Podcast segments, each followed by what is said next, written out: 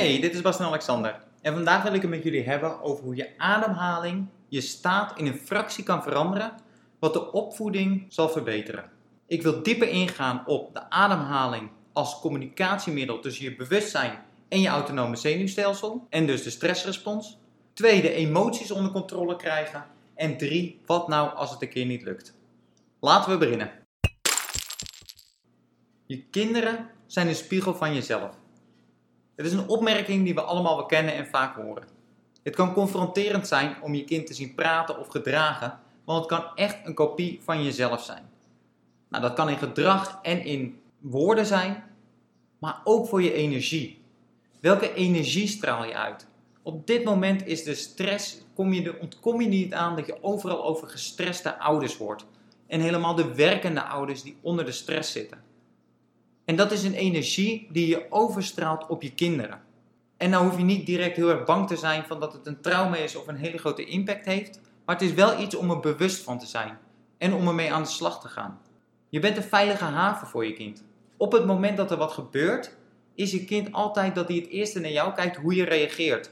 Als jij rustig bent en ontspannen bent, zal je kind dat ook worden. Als jij heel erg gestrest bent of anxious, nerveus bent, zal je kind dat ook zijn. Kinderen voelen je emotie haarfijn aan en nemen dit over. Dus op het moment dat jij gefrustreerd of boos wordt op je kind, die emotie beïnvloedt de reactie van je kind. En dat is zoiets als schreeuwen dat de ander rustig moet doen. De energie die je meeneemt, de energie die je uitstraalt, heeft alles met je ademhaling te maken. Is de ademhaling rustig door je buik? Of is het juist heel hoog, bijna in je borst of in je keel, die ademhaling? Dat is de energie die je kind voelt. De ademhaling is als een communicatiemiddel tussen je bewustzijn en je autonome zenuwstelsel. Dus alle hormoonhuishouding, je stressrespons. Op het moment dat je je gestrest voelt en je kijkt naar je ademhaling, heb je een grote kans dat die heel erg hoog is. Een snelle ademhaling. Waardoor op het moment dat je dat rustig en door je buik gaat doen, dat je lichaam dan ook vanzelf rustiger wordt, waardoor er ook minder adrenaline gevuurd wordt, de cortisol, dat al die levels naar beneden gaan. Stress heeft een negatieve impact. Overal kom je tegen van dat de stress naar beneden moet. Je mag niet gestrest zijn. Maar de stressrespons is een overlevingsstrategie. We hebben die nodig op het moment dat er stress is. Zoals bijvoorbeeld met de coronavirus, of als je in een brandend huis staat, of als je, als je ziet dat je kind in gevaar is, dan heb je die energie, die extra zuurstof in je lijf heb je nodig. Je hebt die adrenaline door je bloed nodig. Je hebt die extra zuurstof nodig. Yeah! Woo! Maar op het moment dat die situatie dan voorbij is, dan is het zaak om rustiger te worden en daar bewust van te zijn. En daar helpt je ademhaling ontzettend bij. Het kan zo gemakkelijk zijn als van een hoge ademhaling diep door je buik gaan. Dr. Andrew Well heeft de 4, 7, 8 ademhaling getest en het effect op het lichaam. En die heeft gezien dat dat een significante invloed kan hebben op je staat.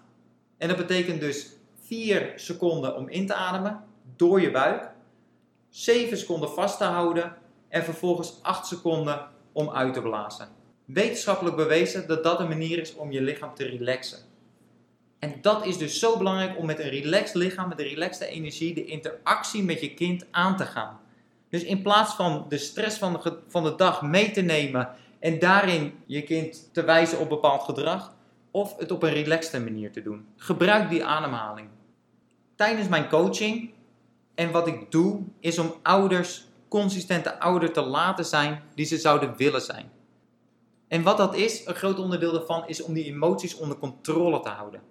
En dat betekent dus niet dat je niet boos mag zijn, dat je niet gefrustreerd mag zijn, maar niet dat die emotie je reactie overneemt, maar dat je dat wel rationeel blijft doen. En dan heeft er dus mee te maken van ongeacht het gedrag van anderen, dat dat niet een te grote invloed heeft op jouw energie, op jouw emotie en daarmee hoe je reageert als je later thuis komt.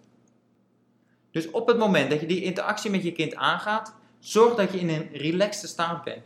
Waarbij de emoties wat gebalanceerder zijn. En die diepe ademhaling door je buik kan werken. Als dat niet lukt, kan je die 4, 7, 8 manier proberen. En ook als dat niet lukt, is het helemaal niet erg om te zeggen: ik loop heel eventjes weg.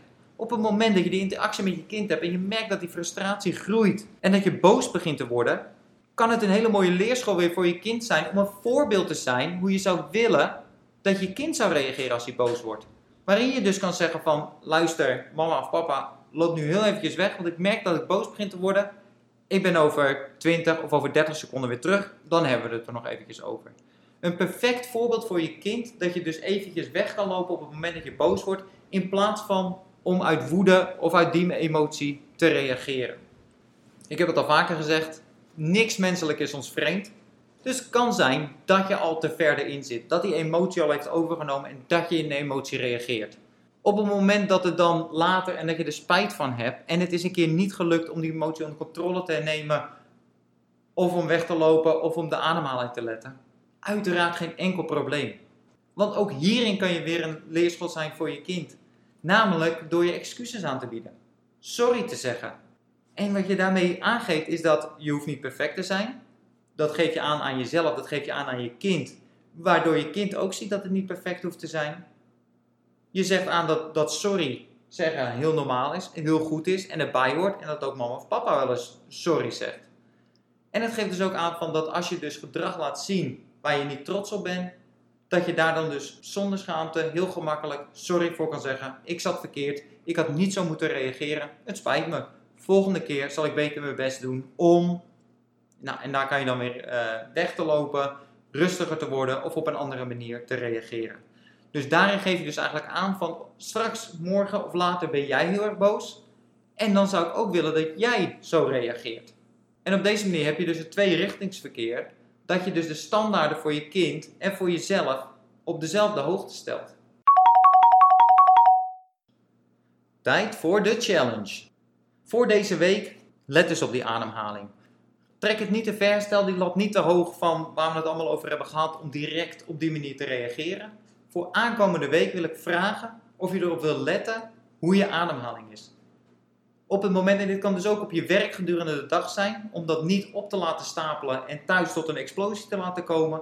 Maar de gedurende de dag, elke keer als je een emotie voelt, om dan eens op te letten waar is je ademhaling. En dat is te proberen om dat eens door je buik en dieper te doen. En zelfs die 4, 7, 8 methode toe te passen. En te zien hoe snel je daardoor eigenlijk tot rust komt. En daardoor weer veel helderder na gaat denken. Heel veel succes! Dit was hem voor vandaag. Go get them. Je kunt het. Tot volgende week. Ciao.